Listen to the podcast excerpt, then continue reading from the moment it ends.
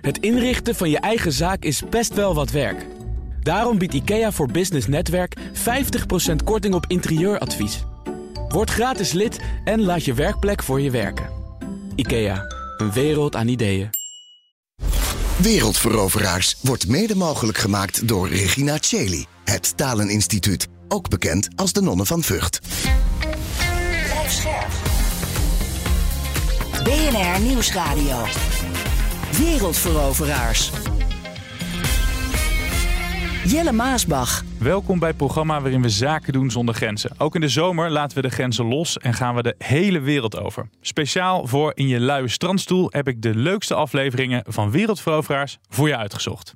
Dit keer maken we een verbinding tussen het Westland en Japan. Lotte van Rijn van kassenbouwer Serton en co-host Ben van den Burg die bleken een match made in heaven. Voor deze aflevering dan, allebei ervaring in het Westland en in Japan. Lotte had een mooi verhaal over hoe een groot Japans robotica bedrijf ineens interesse had in haar kassen. En ik lag dubbel om Ben en zijn verhaal hoe hij de Japanners geprovoceerd heeft. Japan, het land van de reizende zon. Geregeerd door goddelijke keizers en verdedigd door stoere samurais en vliegensvlugge ninja's.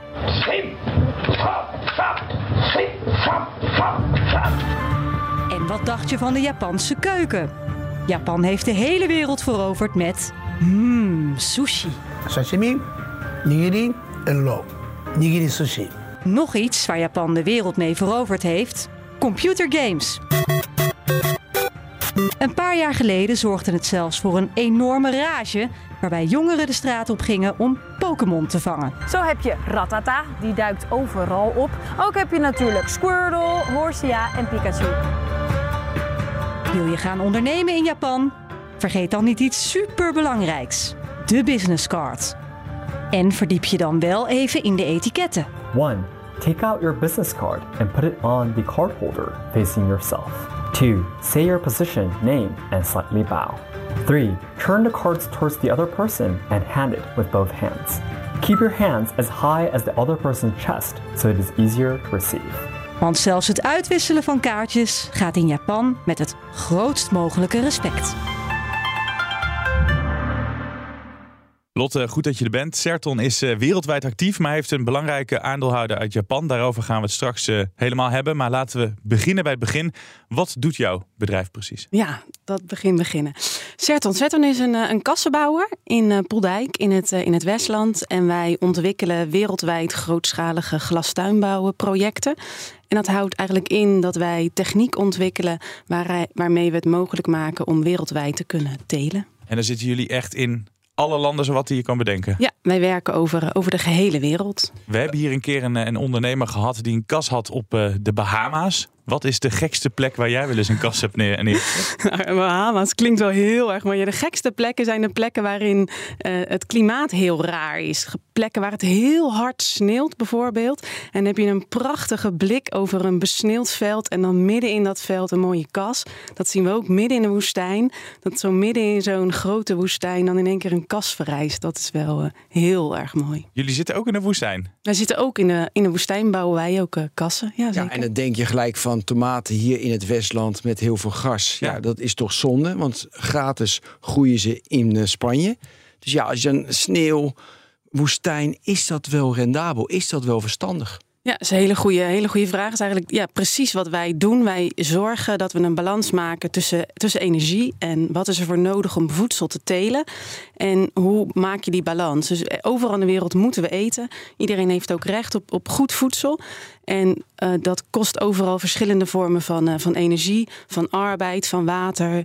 En wij zorgen ervoor dat we dus per regio eigenlijk een goede uh, impactbalans maken. Of het daar mogelijk en haalbaar is om, om te telen. Ja, dus een tomaat geteeld in Spanje is minder. en naar Nederland brengen is ja. minder duurzaam dan hem hier telen. Ja, zeker. Duurzaam is een lastig begrip, maar zeker als we het hebben over het gebruik van water.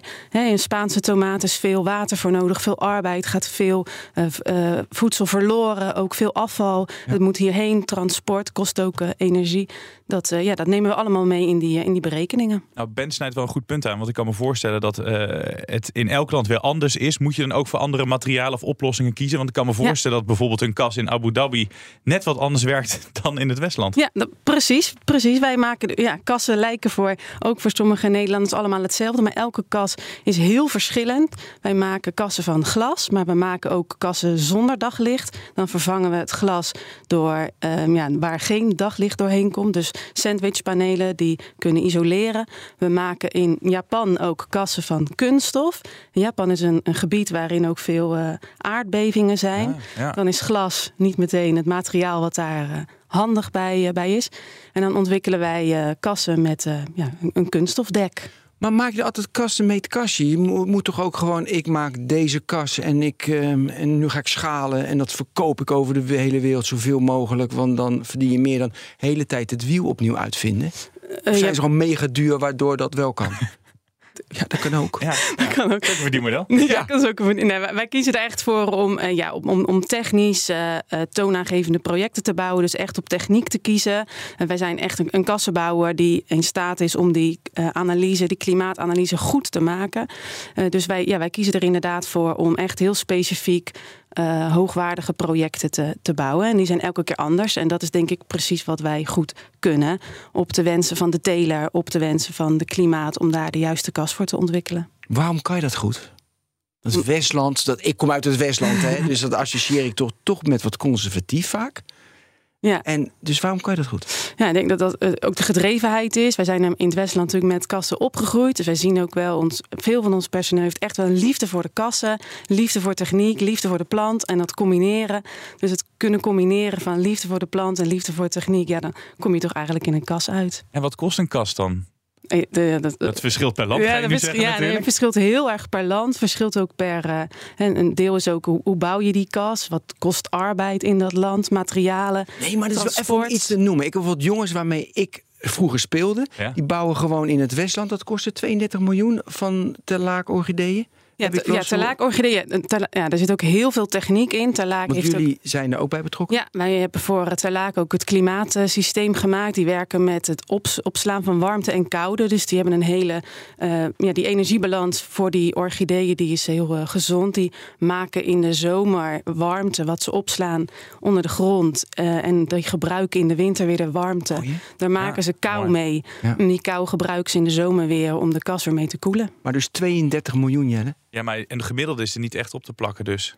Uh, nee, Wat, dat, die ongeveer is, kost. Nee, dat is echt, is echt heel erg lastig. Die gaat van uh, ja, een paar tientjes tot, tot een paar honderd euro. Hey, maar we hebben het altijd, Ben, over uh, ecstasy, DJ's en stroopwafels. Hè? Nederlandse ja. trots. Maar, maar dit is dit dus. Dit, jongens. Ja, ja, ja, ja, meer dan 70% wereldwijd van de kassen die worden gebouwd... worden door Nederlandse kassenbouwers gebouwd. Nou, make Holland great again. En een paar jaar geleden heeft het Japanse bedrijf Denso in uh, Zeton geïnvesteerd. Ja. Dat bedrijf levert autotechnologie. Ja. Die twee dingen zijn moeilijk te rijmen, dacht ik op het eerste gezicht. Wat, uh, moeten, wat moeten jullie samen? Uh, nou, uh, ja, Denso, een Japans bedrijf. Toyota zit, zit daar ook in. Het is een Toyota-bedrijf. Dus ja, heel goed in industrialiseren van processen, het bouwen van fabrieken. En ja, zij zien ook dat mobiliteit verandert. Hoe gaat die mobiliteit veranderen? Wat kunnen zij met kennis van mobiliteit, van fabrieken, maar ook van data? Uh, Denso is de uitvinder van QR-code. Dus zij zijn ook een bedrijf wat bezig is met hoe ga je die data bewaren en daarmee meer kennis maken. En zij gingen een grote kas bouwen en vroegen aan ons of wij die, die kas wilden bouwen, maar de afmetingen en de variabelen van die kas waren wat vreemd. Wij kwamen in gesprek en daaruit bleek dat die kas gebouwd werd voor het uh, telen met robots. Dus zowel het uh, oogsten van tomaten moest worden gedaan door robots en alle interne processen moesten worden geautomatiseerd. Ja. En dat vonden wij natuurlijk wel uh, heel en, interessant. Dus zij wilden tomaten kweken en alleen maar alles met robots. Kun je beschrijven ja. hoe, hoe dat eruit ziet? Want niet iedereen heeft die filmpjes gezien en die zijn fantastisch. Uh, ja, nou, een tomatenplant uh, die, uh, ja, die, wordt, die wordt geplant, die wordt heel erg lang, die gaat vruchten zetten. En in principe staan dat ja, lange rijen van tomatenplantjes op een rij. En daar groeien ja, een jaar lang, bijna ja, meer dan een jaar lang, vanaf, dezelfde, van datzelfde zaadje, vanaf dezelfde plant, plukken we daar ja, letterlijk de, de, vruchten, ja, de vruchten van. En die staan dus in, ja, in, in lange rijen eigenlijk achter elkaar. En daar gaat een, een robot eigenlijk langs. En die, die scout of daar rijpe tomaten hangen. Dan gaat daar een, een kniparm naartoe. En die knipt als het ware de tomaat van de plant. Ja. Wat heeft het voor jullie eh, bedrijf veranderd? Want ik kan me voorstellen, dit is wel echt. Ik, ik wist niet ook dat zij die, die code hadden uitgevonden. Dus het is echt geen kleine, het is geen kleine speler. Wat heeft dat voor jullie bedrijf veranderd? Ja, wij doen met uh, Denso eigenlijk drie verschillende dingen. Wij hebben een bedrijf in uh, Tokio, wat echt ons saleskantoor is. Dus Denso helpt ons in Azië om ja, onze, onze, onze omzet te vergroten, om daar kassen te bouwen. Zij helpen ook daadwerkelijk met het bouwen van, van kassen, met alle certificeringen en dergelijke die daarvoor voor nodig zijn. daarnaast werken we samen dus aan een aantal technologische innovaties, waaronder de plukrobot, maar ook nog een aantal andere innovaties. En zij zijn uh, ja, nu dus minderheidsaandeelhouder in ons familiebedrijf. Maar daarmee openen ze ook enorm veel deuren voor ons, omdat wij gebruik mogen maken van hun internationale netwerk. BNR Nieuwsradio. Wereldveroveraars. Je luistert nog steeds naar het programma waarin we zaken doen zonder grenzen. Vandaag hebben we het over Japan met Lotte van Rijn van Serton en Ben van den Burg. Zelf een halve Japanner geworden. Want Ben, jij zei eerder een keer wereldveroveraars. Voor de mensen die het niet weten dat je daar hebt gewoond. Ja. Kan je ons even vertellen, hoe komt het dat Japanners zo voorlopen op het gebied van uh, robotica? Nou, omdat namelijk robots, dat zijn, oh, die hebben ook een ziel. En dat is toch wel mooi. Kijk, wij zien technologie, we zijn een mensen, dat is een organisme en dat, dat beweegt, dat leeft, weet je. Maar zij zeggen ook, de dingen hebben ook zielen. En ja, omdat je het al zo benadert, dus dat is één, twee, dingen hebben een ziel. Maar twee is ook heel belangrijk.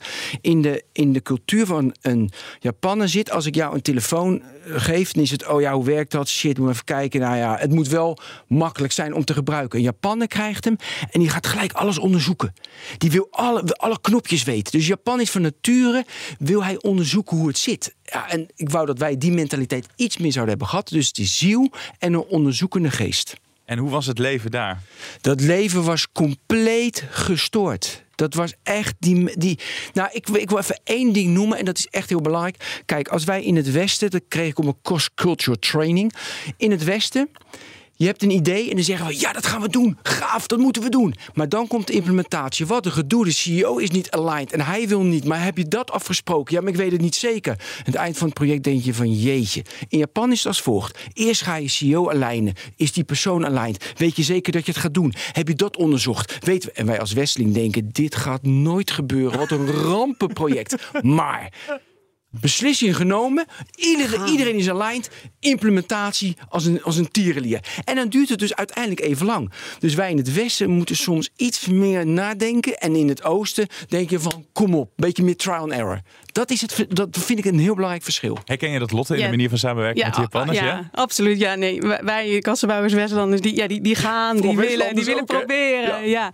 En zij ja, komen inderdaad eerst met powerpoints, met hele Excel-sheets, met berekeningen. Wat kan er gebeuren als? Heel veel scenario writing. Wat gaan we doen als dit gebeurt? Ja, ze zijn veel meer bezig met wat als, wat als. Want dat is wel een goede gelijk. Want hoe ziet die samenwerking eruit? Is dat eh, op afstand, teams, of zitten er echt Japanners bij jou op kantoor? Allebei, allebei. We werken uiteraard heel veel met teams, maar we hebben ook een aantal Japanners bij ons op kantoor in Boldijk. En uiteraard ook collega's die graag naar Japan gaan. Hoe is het voor hen dan om uh, in één keer in het Westland te werken? Ja, ja, wel een beetje verschrikkelijk. ja, vinden ze dat verschrikkelijk? Ja, wat wij, wat wij eten, onze eetcultuur is oh, natuurlijk echt heel anders dan, uh, dan Japan. En uh, ja, dat, dat oh, is dus echt, echt aanpassen. Zit je eerst in de sashimi, dan moet je nek in de hut Ja, jongens, die quality ja. of life en het eten is er zoveel beter. Dus dan worden ze helemaal gek ja, natuurlijk. Ja, een bedrijfsrestaurant is natuurlijk niet te vergelijken met, ja, met die kop soep van ons. Nee. Maar de R&D-center zit dus in Poeldijk. Ja, klopt. Wij hebben een uh, innovatiecentrum waarin wij veel, uh, veel onderzoek doen. Daar komen dan dus de, ja, onze Japanse collega's ook uh, naar ons toe. Ja, we hebben hier gewoon heel veel verstand van die plant en hoe die plant zich ontwikkelt en groeit. En dat moeten we implementeren in hun robot. Ja, ik zat naar de cijfers van Denso te kijken. Die hadden 10% van de bruto sales doen ze aan R&D. Dat, ja. is, dat is veel hè, voor zo'n groot ja. bedrijf. Ja. Hoeveel doen jullie? Matcht dat een beetje? Of schokken jullie van dat je zoveel in R&D moet stoppen? Ja, je schrikt sowieso van de omvang van een bedrijf als Denso. Precies wat jij net zei, op het moment dat die plannen zijn gemaakt, op het moment dat we gaan, dan komt daar een kracht los. En er zitten daar ja, zoveel, zoveel power en intelligentie in zo'n bedrijf. Dan gaat die trein eenmaal rennen. En dat, ja, dat sowieso is in, in geld, maar ook in, in mankracht en in, en in wilskracht om iets te bereiken. Dat is heel bijzonder in Japan. Ja, ik ben benieuwd of je ook nog iets tegen bent gekomen waar je de plank volledig missloeg. Cultuurclash. Mijn favoriete onderdeel. Waar ging je de mist in? Of wanneer gebeurde iets geks dat je totaal niet had verwacht? Nou, we hebben net al een klein beetje wat dingen gehoord. Maar wat was er iets dat je zei... Nou, dat misschien even iets anders moeten aanpakken met die Japanse collega? Ja, ik heb, ik heb natuurlijk echt ontelbaar veel. Ik heb natuurlijk altijd in het verkeerde rijtje gestaan als ik het OV moest nemen. Ik heb natuurlijk de verkeerde mensen als eerst een hand gegeven. Links moeten staan, ja. Links, ja. Ik, ik, ik, rechts loopt, ja. Ja, ik heb me natuurlijk vergist in het meenemen van geschenken, van de cadeautjes. Het aannemen van, uh, van cadeautjes. Het, het, het mailbeleid. Ik heb natuurlijk in het begin totaal de verschillende mensen een mail gestuurd. Vergeten te cc'en of de verkeerde mensen gecC'd. Ja, die voorbeelden zijn echt uh, te over. Ze zullen veel om me hebben gelachen. Is wel mooi. Ik heb elke week soms moeite om voorbeelden uit mensen te halen. Maar jij komt tegelijk met tien. Uh, ja, Japans heel makkelijk. Ja, ik denk dat alles anders is. Wat ik ook wel een keer heb gehoord is uh, dat mensen een soort van chit-chat, sociale wilden doen. Dus met een Japanse collega bijvoorbeeld over weekendplannen wil praten. En dat dat verkeerd wordt opgepakt. Heb ja. dat nog meegekregen? Ja, ja, ja, ja, zeker. In, in de Japanse cultuur. Het gaat er natuurlijk in. Wij zijn heel direct. Je stelt een vraag en dan bedoel je ook. Ja, gebruik je de woorden die je ook daadwerkelijk bedoelt. Maar in Japan gaat veel meer uit van wat er in de lucht geschreven is. Wat je lichaamshouding doet. Die is veel meer gewend om het verhaal achter de vraag eigenlijk te gaan begrijpen. En dus wat voor ons een hele normale vraag is om aan iemand te vragen. Nou, goh, uh, vrijdagmiddag, wat ga je doen het weekend? Ja. die vraag interpreteert een Japaner veel meer als ja, zou ik het leuk vinden om iets leuks met mij te doen oh. dit weekend? Dus ja, zo'n normale vraag als wat ga je doen, wordt dan, ja, wordt er eerst gezegd, oh sorry, ik heb al heel veel plannen. En ja, sorry. Gaan ze omheen, ja. Gaan ze eromheen, ja. Het, ja. Heb jij, uh, voordat jij je vraag stelt, Ben, wat, wat zijn jouw uh, ja, cultuurverschillen daar geweest? Ja, ook uh, heel herkenbaar. Ik wilde eentje noemen, dat was met z'n allen eten. En het is echt een schande als je je, je chopsticks rechtop in je eten zet. Oh, maar daar gingen we natuurlijk, wij als Westelingen, daar gingen we mee provoceren. Maar ze waren zo over de zijk. En ik denk, joh, een beetje cool, weet je, dan zet je het rechtop. Wat maakt dat nou uit? Maar dat is echt een intense belediging. En dan is het weer van, joh, wegwuiven. Of van, nee, serieus nemen, andere cultuur. Sorry daarvoor. En dan zie je wel dat wij, daarbij, ik dan een, een botte boer was. Want dat, die heb ik van geleerd. Om niet meer zo'n cultuur keihard er tegenin gaan. Ja, Maar wat ik wilde vragen, wat doe je actief om die, die cultuurverschillen ja, me iets, iets vloeiender te laten verlopen. En om, om ja, wel met elkaar overweg te kunnen. Ja. ja, sowieso praten wij er heel veel over. Dat heb ik ook wel echt geleerd over cultuurverschillen. En met elkaar blijven communiceren en heel veel vragen stellen. En je openstellen voor hè, waarom. En heb ik je goed begrepen als. Heel veel controlevragen ook stellen. Ook op je eigen gedrag. Is het goed als? Of daar gewoon maar naar vragen. Ja, ik, ik, ja, als ik in Japan ben, ik, ja, ik zie er niet uit als een Japanner. Dus uh, ja, ze weten dat ik niet uit Japan kom, daar, kunnen ze of mee uh, ja, mee, mee, mee, spotten eigenlijk als het ware. Maar ze zijn zich wel bewust dat, ja, dat, dat ik me aan moet passen. Dus ze zijn ook echt wel bereid om dingen uit te leggen. Of, ja, dus wij leren altijd iedereen, als je twijfelt, blijf vragen stellen. Mhm. Blijf het herhalen, blijf controleren. En ja, doe toch een beetje wat de ander doet. Spiegelt gedrag. En... Dat is wel interessant, want wij passen ons dan aan in Japan aan ons nu. Weet je, dus in jouw geval, maar ben je IBM of Google of Microsoft dit is onze cultuur, ook in Japan. Implementeren. Dat, dat leggen ze gewoon op. Werkt daar dat dan? Ja, toch wel. Omdat er zo, ze kunnen zoveel programma's draaien voor een global culture. En dat kan jij natuurlijk veel minder. Dan heb je minder, weet je, ja, dus geld voor. Power, ja. Ja, power. En dat kunnen zij wel. Dus daar zie ik een verschil. Maar jij hebt één heel groot voordeel. Ze, ze hebben jou nodig. Weet je, ze komen iets halen bij jou. En ik merk wel, het is veel fijner als Japanners iets willen halen uit het Westen. dan dat jij, wat, ik heb brengen. meegemaakt, bij mij kwamen iets brengen. Ah, dat mislukt totaal natuurlijk. Ja, dat, dat willen ze niet. En hoe communiceer je? Is dat, is dat eh, met Engels gewoon? Heb je Eh, Japans ja. geleerd? Konnichiwa. Ja, het, ja. Dit is, Oh jezus, je weet het. nou ja, maar ondertussen werk ik eigenlijk al zo lang met Japan dat het, ja, je, je begint Engels en ik denk dat het Engels is wat we samen praten. Maar ik merk ook wel dat als er een andere collega bij komt, ja, die naar ons zit te kijken van ja, dit, ja, je ontwikkelt er ook ergens een soort samen een taal. En hè, je, je, je, je, je, je probeert, je doet je best om elkaar te begrijpen en daar gebruik je uiteraard Engels voor, want de Japanse taal is echt heel complex. Ik heb trouwens wel een collega die het vloeiend spreekt. Een Westlandse jongen, ook een tuinerszoon. En ja, dus je doet wel je best. Maar ik merk wel dat we een eigen, ja, ondertussen een eigen taal hebben ontwikkeld. Wat knap. Hey, als we naar de toekomst kijken, die samenwerking die loopt wel als we het zo horen. Maar wat wil je er allemaal nog uithalen? Wa- Waar willen jullie samen naartoe? Nou, we hebben echt wel een, een visie op, op de toekomst. Als we kijken naar eh, de voedselproductie en zeker in, in Azië, er kan echt nog veel, veel eh, verbeterd worden. Zeker met die combinatie tussen die plant en techniek. Dus wij kijken echt verder eh, vooruit naar welke innovaties kunnen we hierna nog doen. Hoe kunnen we die, die tuinbouw, die voedselproductie, hoe kunnen we die samen verbeteren? Wat is daarvoor nodig?